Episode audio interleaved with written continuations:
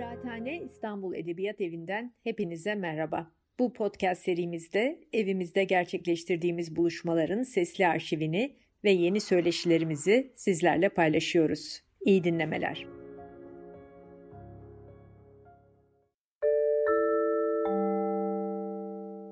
Merhaba, Kıraathane İstanbul Edebiyat Evi'nin bir sohbetini daha hoş geldiniz.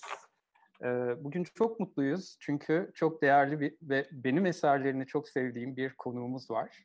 Okyanus Ötesi'nden. Şair ve yazar Ocean Wong. Ocean Wong'un ilk romanı On Earth Will Briefly Gorgeous, yeryüzünde bir an muhteşemiz adıyla Deniz Koç'un çevirisiyle yepyeni bir yayın evi olan Harfa tarafından geçtiğimiz Kasım ayında çıktı. Kusura bakmayın kamerada maalesef kapak ters gözüküyor. Ama Wong aslında bir şair ve 2017'de e, en prestijli şiir ödüllerinden T.S. Eliot ödülüne değer görülen Night Sky with Exit Wounds kitabının da yazarı aynı zamanda. E, bu kitap da e, şu an çeviri e, çevirde ve çok yakında Harfa tarafından yayınlanacak. Biz de dört gözle bekliyoruz. E, söyleşinin dili İngilizce olacak. E, eğer yayını Kıraathane'nin e, YouTube kanalından dinliyorsanız ekranın e, sol alt kısmındaki ayarlardan e, alt yazıyı e, aktive edebilirsiniz efendim. E, şimdi söyleşiye geçiyoruz. And this is where I switch back in English. Uh, welcome, uh, dear Ocean Wong. Uh, it's such a such a delight to have you uh, here, even in this virtual realm. Thank you for having me. It's a deep honor to be translated into the Turkish language, and um, I'm I'm really proud uh, to have uh, my words um, in in a country that I have yet to be in, and that's the magic of translation.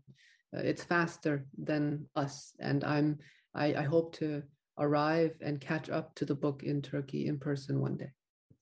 Hopefully, we will receive you. We'll be so happy to, to receive you in Istanbul and hopefully in better days. And it feels also so apt for this story uh, because your debut novel is often described as a letter uh, from a son to a mother who cannot read in English. And here we are with the book translated in languages that are unintelligible to the author of the letters. Mm-hmm. Uh, uh, but people will in Turkey discover your your uh, work sort of in reverse. They will probably meet uh, the, the, the novelist first, and and hopefully soon the poet as well. Um, your debut poetry book uh, had reached critical acclaim, uh, but this novel is also informed by poetry, uh, not just for its poetic quality, but also on how you you try to set your own terms writing this novel. Um, so why you choose to write a novel uh, after after your, your your poetry collection, and how you ensure to stay true to your commitment to poetry without compromising?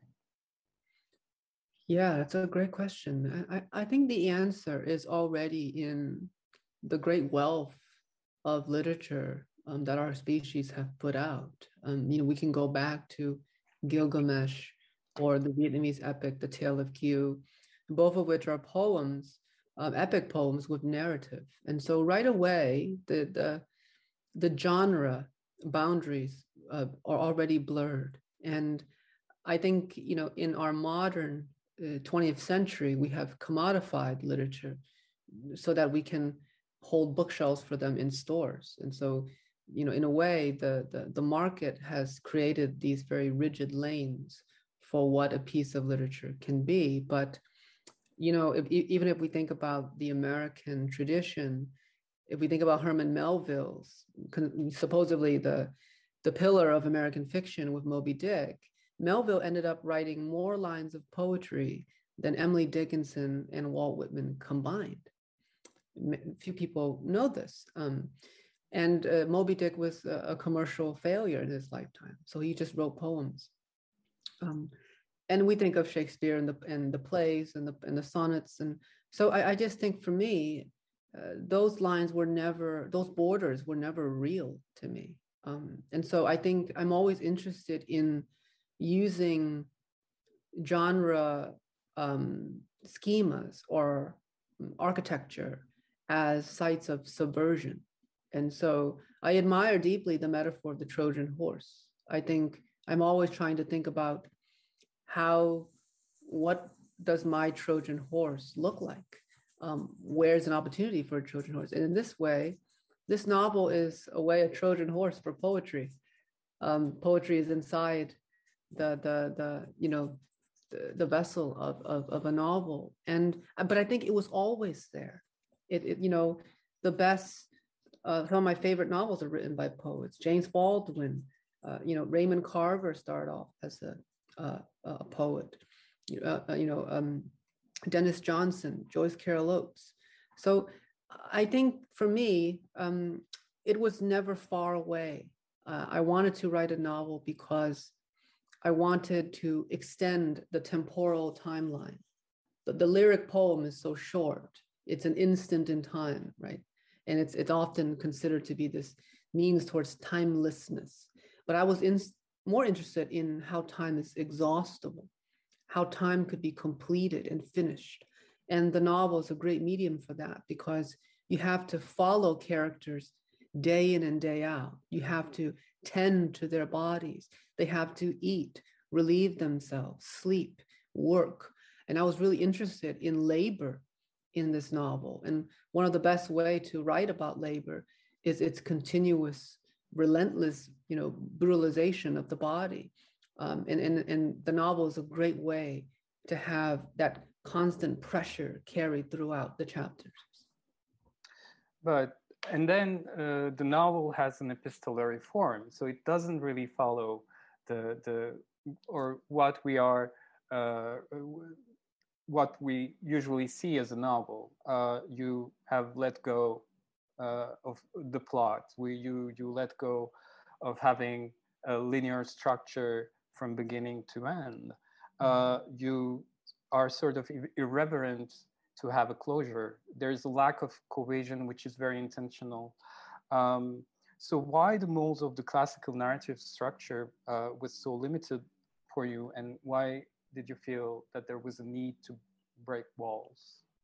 Yeah, yeah, that's a great question. I'm I'm really interested in that. I, I think the rules were always broken to begin with, but again, we we have commercialized, and I think the workshops you know the creative writing schools are at fault at this too they they created what you know what we call the freytag's triangle this inverted check mark where the plot goes up through a climax and then a decrescendo and a resolution and to me it always felt very fraudulent when i'm reading a book like that i feel like some the author is attaching strings to me and after a while, I feel like a puppet, right? And I start to wonder why I'm reading this book, right? I feel like there's something that I'm being, um, as if I'm being worked over rather than asked to participate in the world of a book. And there is also a very capitalistic promise to the plot. You know, the, the mystery novel promises the killer will be revealed you know, the, the thriller promises the body will be found. In the same way, a bag of chips promises a, you know, a, a, a very cohesive, consistent product. And it's, it's, it's similar to this patriarchal lineage of orgasm. It's very phallic, right? There's building towards climax to release.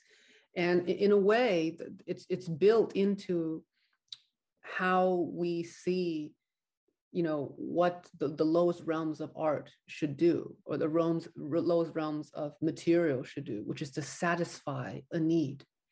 And i really didn't want to to have a book that satisfied or merely satisfied needs but rather a book that tested the limits of what storytelling could do. And it's not very radical. If we go back to melville in moby dick that book was so inspiring to me because it was so it had so many tangents Mm. you know, there was 20 pages on comparing the illustrations of whales from London and America. There was 20 pages on how to properly skin a whale and remove its blubber. So it was both a travel log, a Shakespearean play in which Melville was inspired by. Um, it was inspired by theology and sermons. It was a travel log, an essay, a, a, theoretical and theological treatise as well. And I thought, my goodness, it's already done right there. You know, um, he, Melville didn't deny himself his curiosity. And I wanted the same freedom. I want, as an American novelist, I wanted to say, what would happen if I also did not deny myself my curiosity?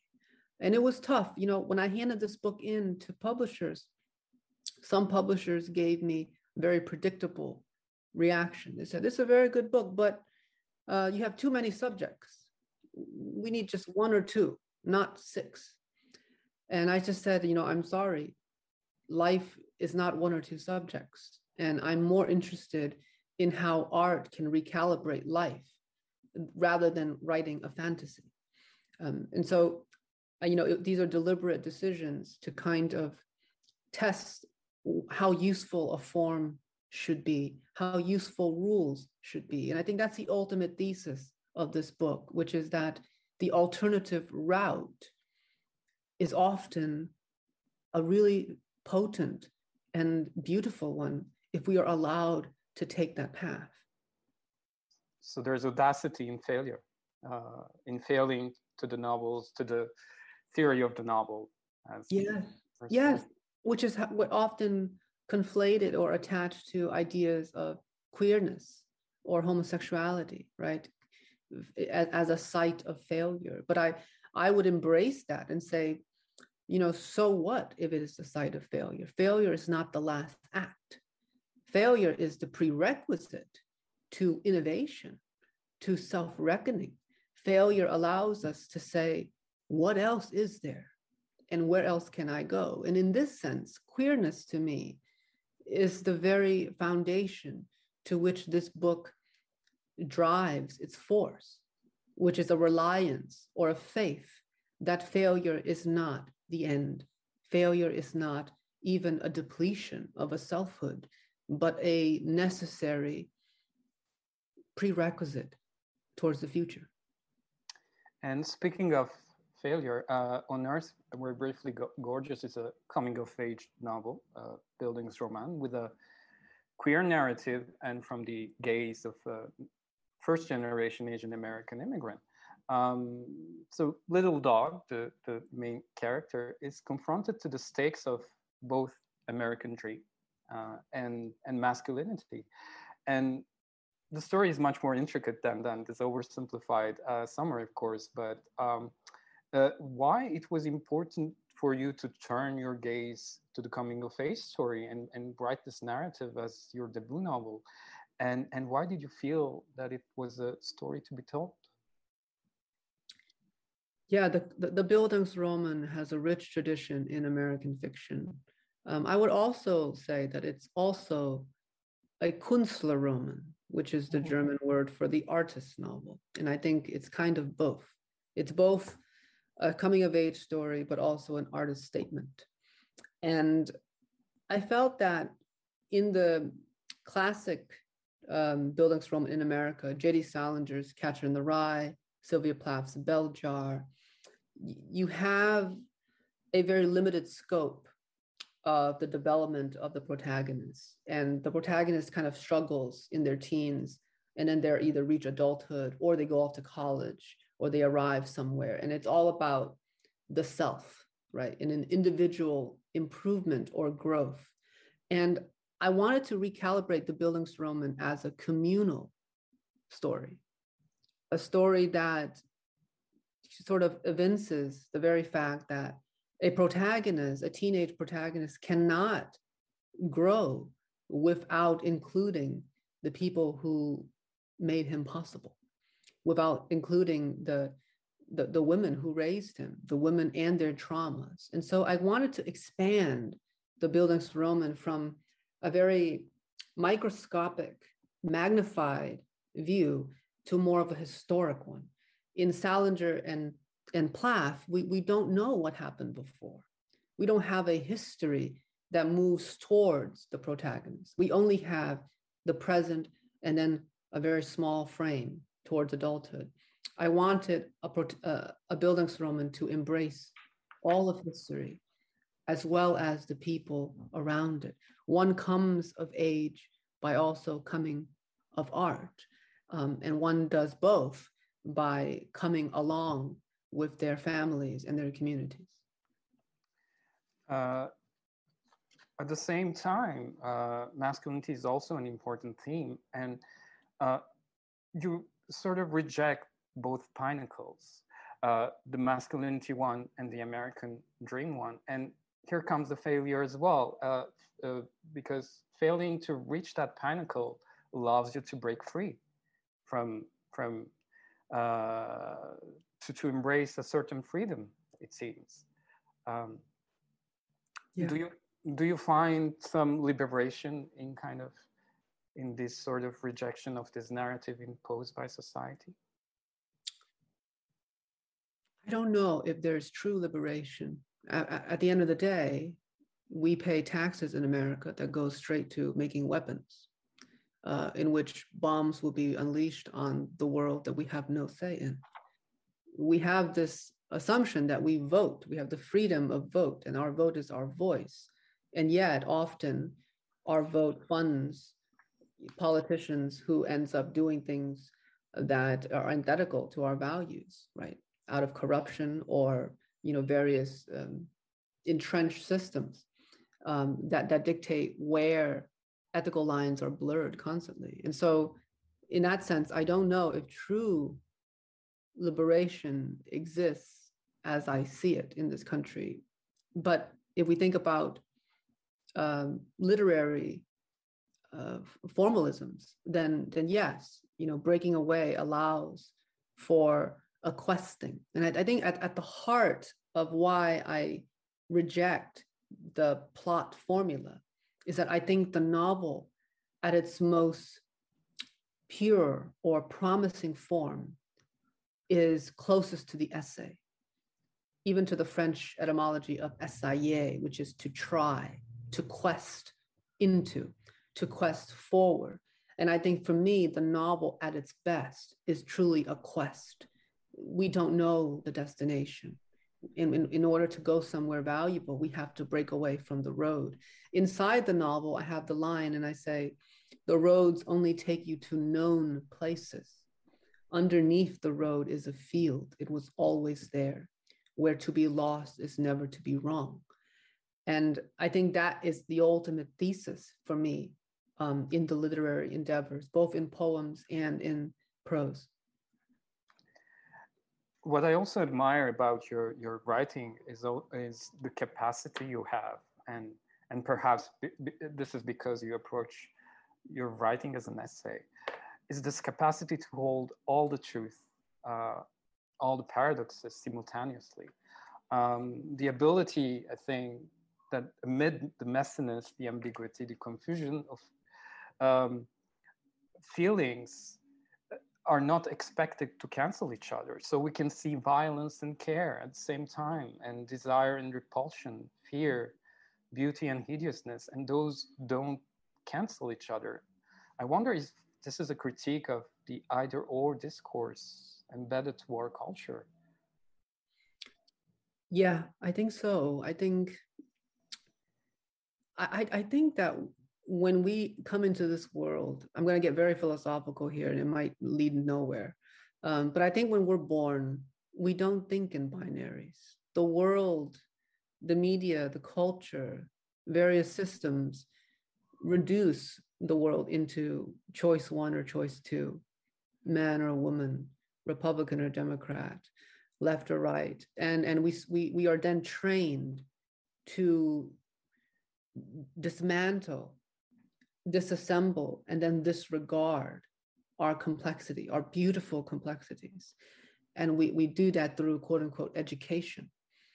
And I, I think so much of what art can do is to retrieve that beautiful purity of complication in the child's mind. And, and I think so much of art is, is salvaging what has been destroyed or cast off by society.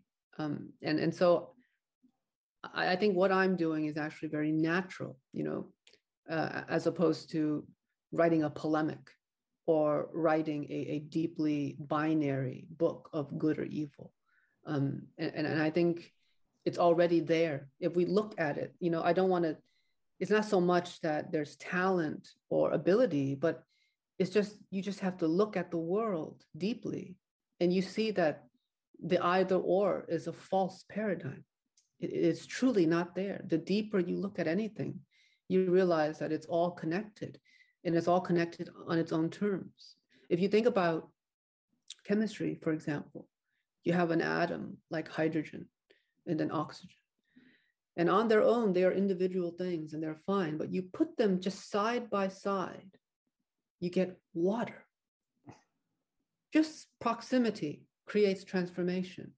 And, and so th- there, is, there is no clear borders between ideas and people and, and even nations. Um, and so I think for me, uh, art is a way of returning and, and, and rescuing um, something that we've been taught to, to disregard, a powerful thing that we've been taught to, to, to discard in, in ourselves. And we, with such a simple artifact, uh, you, this has so many important implications. Uh, as you, you, you were mentioning, a lot of social norms, morality itself, uh, ideology or identity is based on is based on binaries, on, on either or. And and this this creates a flaw, and that flaw is um, maybe prevents us to perceive the reality as it is. That was the feeling I had when I read your poetry and then I read your novel. It felt so real. It felt so tangible. Whereas uh, in other books, you you always know, feel uh, that something is missing, something is hidden, something is put aside. Hmm. Yeah, I, I I aim for. I mean, verisimilitude is a literary device, and so it's about collecting you know so much of we think of the writer as somebody who makes poet in the greek root is to make. But i think more so it's to see and to collect. And i think that the writer is actually a collector of observations in the world much more than she is a maker. The making of the writing is the last act. It's just the 10% of what it really is. The other 90% is about observation and looking at the world carefully and, and taking the most useful things um, and then fashioning something new. In this sense, I see my work as a writer as akin to being a junkyard artist, going into trash and taking something else out of it and making a new sculpture out of things people have thrown away and observation is also it, when you define your art this way it's it's it's the, it's the most uh, effective way against ignoring ignoring uh, yeah I, I think simone weil is the one who said um, the the truest act of care is observation. And and i think that is true you know and i said this in a way in a, in a different way in the book where you know to look at something is to, to fill your whole life with it if only just for a few seconds. And there is also so much clarity in your language um, not the arrogant clarity of the preacher but um, the qual- quality of the, the, the worker the clarity of the worker who, who has worked hard for their craft like the perseverance for articulating ideas and and even though you acknowledge that language is limited, um, why don't you give up on language and, and meaning? It is, as a function, um, a limited tool, right? And, and part of its purpose is to be limited because it has to define. And definition, in, inside the word definition, is the word finite, right? So, in other words, you know, this word has to mean this and that word has to mean something else, right? Even the word that, thatness is now a thing. Before that word, we didn't have the idea of thatness as opposed to thisness. And so their definitions have to kind of, you know, uh, uh um, in a way, uh, repel, you know, each other. And so they have to limit in order to work. Um, and but the the the paradox here is that we are using limited tools in order to expand human consciousness, hopefully. And the, the, the challenge is not so much in the individual words or language itself, but in the, the sentences, the paragraphs, the novel. We're using limited things to build something larger. It's like a mosaic. You use a, a little shard of glass, and it's on its own, it's nothing, but you look at all the colors and then you put it against the wall with plaster, and now you have a painting, a mosaic. Um, and so I think I can't lose faith in that ability um, because it promises so much. And also, unlike the shard of glass, l- words change. They are not fixed, right? Words transform through time, through use. They have their own lifespans. And so, as a writer, I don't see myself working with dead objects. I'm working with living objects. And that is a very, very exciting thing. But to show the, the limitation of language, nothing would have been easier to, to, to implode the language, to, to tear it apart, to manhandle it. And the word say, say it all.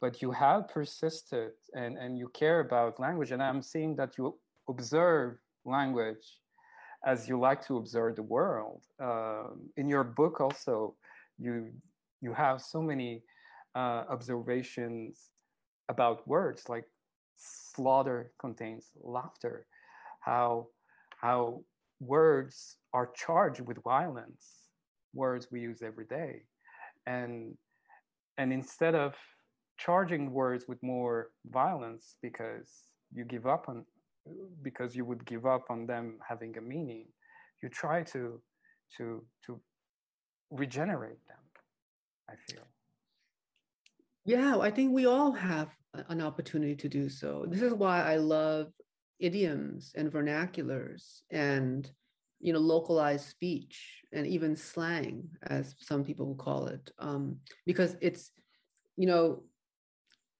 standardized education tells us that slang is debased and subordinate to a standardized um, usage but you know, localized vernacular and slang is actually innovation.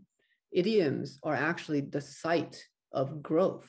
It is actually the avant-garde. It's the vanguard of where the language is, you know. Um, and so it's really exciting to see new terms come into being, right? Netflix and chill, throwing shade, right? All of these things are incredibly exciting because it means that we are active participants in, in, in language. It's not fixed. And we often, or we are, we are educated, at least in America, to forget that. We are told that proper English is fixed, the rules are fixed, and we have to master those rules in order to, you know, enter the job market, right? There's a sum total um, goal in education is to have a respectable use of English in order to be useful to the market be useful to capitalism. And and then there's no nothing else. There's no room for deviation. And it becomes a very conservative and quite frankly a soulless endeavor. You know i, I have teachers tell me I, want to teach you all the rules so you can write the email to your boss right it's like is that is that all we are is that our it is so sad to to hear that, you know, as a 15 or 16 year old. It's like, that is all we, out of all the great beauty of language, we are only seen most useful when we can write emails, apologetic emails to our bosses, right? Um, but I think, you know, we, we, there's so much in poetry that allows you the pleasure. And I think we often, I don't want to forget that. You know, there's big ideas, big theories, big political statements around literature. But at the end of the day, what resuscitates me is that there is pleasure in wordplay. That's all it is at the end, is that there is pleasure in playing with words. And there is play here. Um, there's joy and, and there's experimentation and there's you know so much ways to go wrong in order to make something new. That excites me.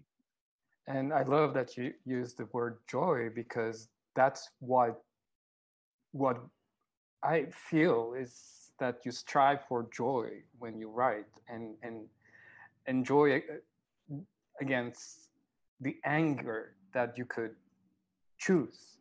You prefer joy? And how do you think we can embrace that joy without being damaged without uh...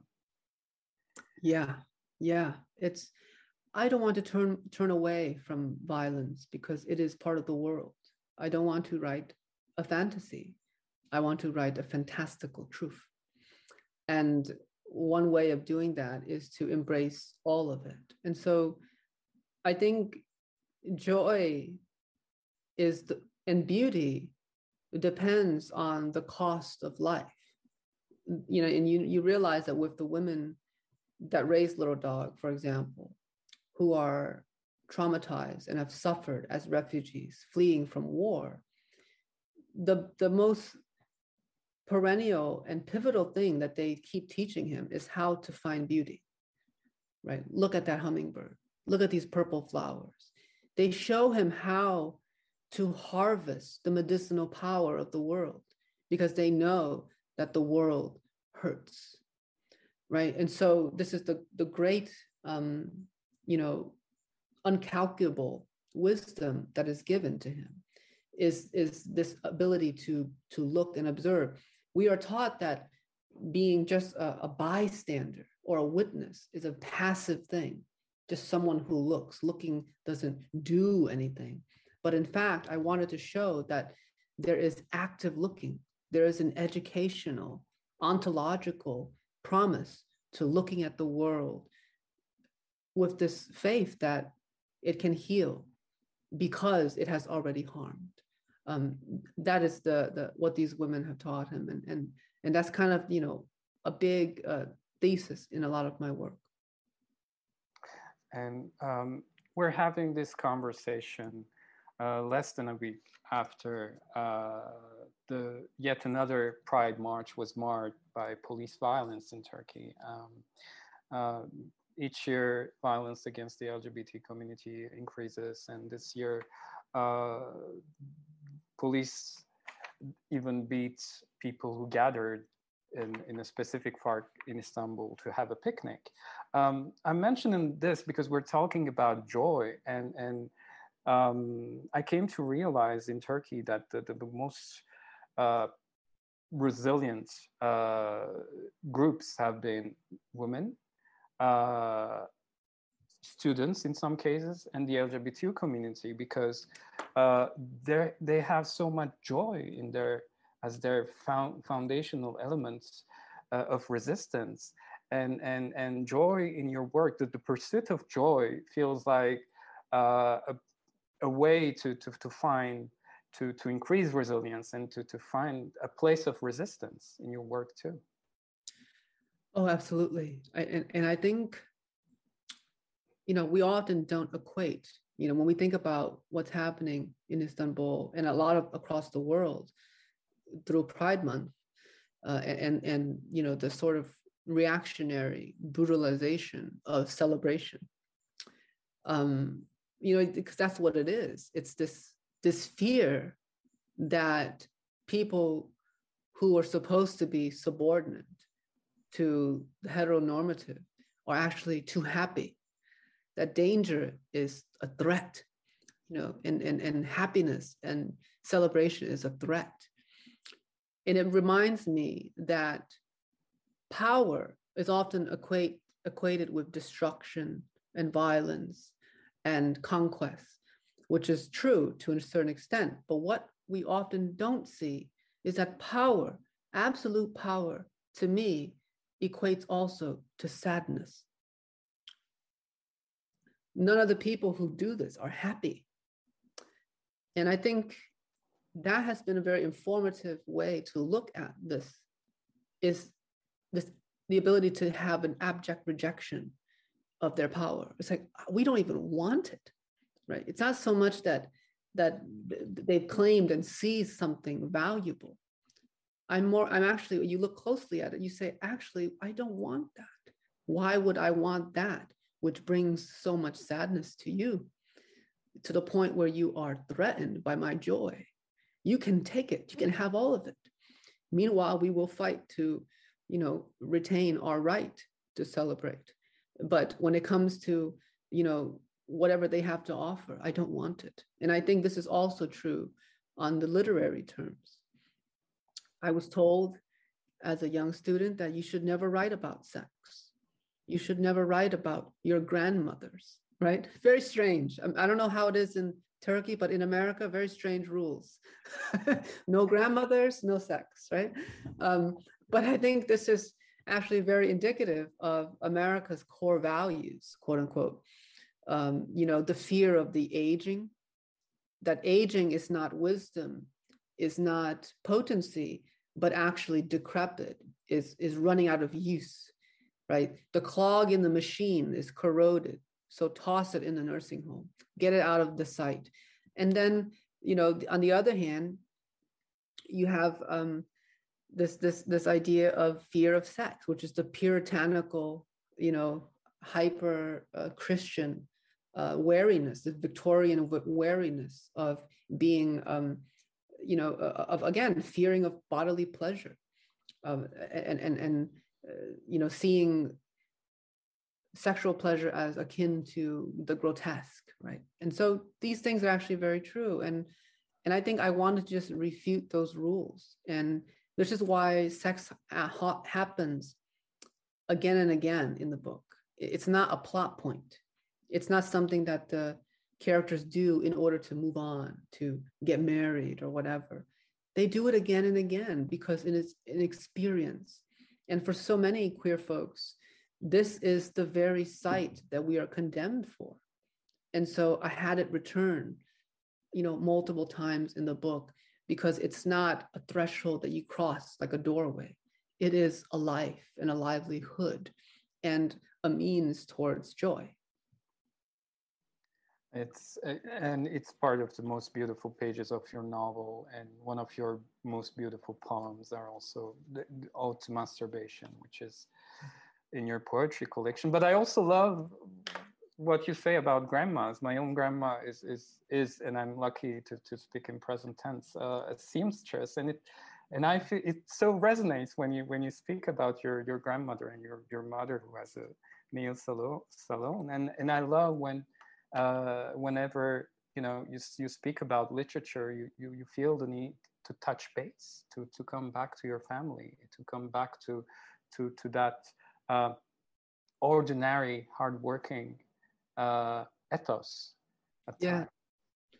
And I, I think it's a global and species wide ethos, you know, this the idea that I think the best stories are about families.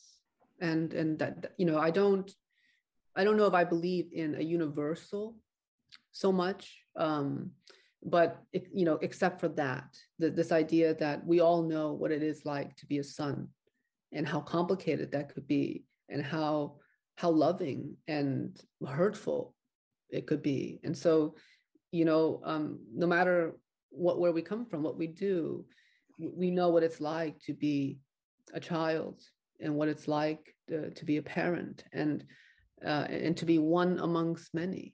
Um, and so I think that you know we, we owe it to to the people who brought us into the world to write about them better, write about them thoroughly, and not turn them into, you know, flat cardboard figures. And I will have one last question. Uh, for this question, uh, I wanted to to read the last paragraph, not not of your books, but about your the essay you wrote after the the suicide of your uncle. Um, because I didn't want to torture people with my English, I translated to Turkish uh, badly, but I will read it and, and, and, and ask you a final question uh, okay. as a reflection.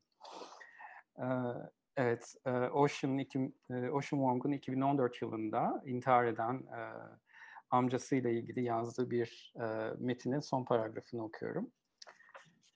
Sanatın ve özellikle şiirin gücü ve geçerliliğinin, amacının, onlara duyulan ihtiyacın ana akım tarafından sürekli sorgulandığı, bir kuşağın saplantılı biçimde görünüşüyle, durum güncellemeleriyle, filtrelerin pırıltılı ışığında yıkanan, düzeltilen, gülücüklü selfileriyle meşgul olduğu, birbirimize yüksek sesle kırıldım, korkuyorum, şimdi ne olacak? demenin giderek zorlaştığı bir çağda, şiir, yangından kaçış merdiveni gibi tüm zayıflığı ve cılızlığıyla benim en katıksız direniş mimarim haline geldi.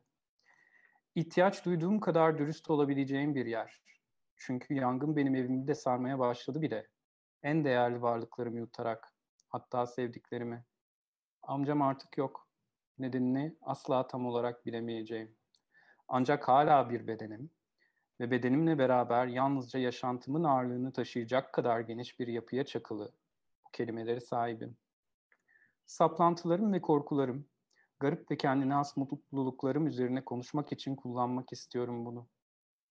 Partiyi pencereden çıkarak terk etmek ve demir biçimindeki bir parçanın üzerinde görünür bir çaresiz, çaresizlik içinde ayakta duran amcamla karşılaşmak istiyorum. Ki bu aynı zamanda görünür bir umudun başlangıcı da olmalı. Aksine mümkün. Bina tamamen yanıp yıkılana kadar burada durmak istiyorum. Ölümün verebileceği acıdan daha fazla sevmek istiyorum. Ve sana şu, şunu sıklıkla söylemeyi. Bu kadar insani ve korku içinde olsak bile burada etrafımızı çeviren soğuk ve yıldızsız gecenin altında bu hiçbir yere ve her yere giden bitmemiş merdivenlerin ortasında yaşayabiliriz ve yaşayacağız. Um, I love this this this uh, this paragraph because I feel it is so powerful, and I just wanted to ask: um, Can poetry and language save us from ourselves, and can language help us to heal? Uh, first, first of all, that was so beautiful to hear. Uh, it, it, Turkish is such a beautiful language. I, I might be completely wrong here, but it, to my ear, to the foreign ear, it sounds this be- like this beautiful hybrid between Farsi and Tibetan. Um, and it, it, it's so it's so perfect. Um, and uh, so I, but yes, I you know I think I think it's already evident that language can heal. It, it's a tool, and you know just like any other tool, uh, walls can protect or divide. You know, it, it depends on the intention of the person using it, but it always has you know the, the the power to heal i mean this is evident in every you know um religious or communal ceremony that we have. You know you enter a place of worship and and you see how healing prayers can be. And then you also see that entire wars could be launched on on religious fervor. Um and so you know it, it's it depends on us who participate in it. And, and I think, in a sense, it's very inspiring because only the living gets to impact and change this tool, this medium of language. The dead are gone, and we will soon leave this tool to the future. Um, but while we are here, we get to enact change on it. And, and it, it would be a great loss to forget that, to think that it is just this upper, higher standardized thing that we have to attach ourselves to and worship. But instead, we should bring it down to the ground inside our bodies and then change it and to ask of it or to demand of it how do we use you better? How do we use you towards healing? Um, and, and it's up to us to ask that, and, and, and we should. And and it's a it's an it's an incredible optimistic thing um, to me. Um, and, and so I, I think we all have access to it. It, it. It's not something that you have to enter a library or an institution or university to possess. You already possess it. Your parents gave it to you. Whoever get brought you into this world gave you language, um, and and no one else owns it. It is free, um, and and that's incredibly beautiful. Beautiful, and it's also beautiful to to hear how much care you have approaching uh, language and approaching your work. Vuong, thank you so much for, for being here. It was a privilege talking to you.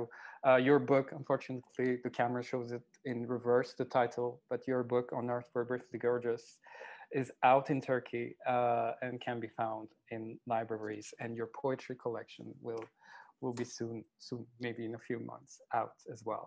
Uh, and we also, uh, well, uh, we will uh, wait for you as well, uh, physically invite you to the Literature House in Better Days. Thank you.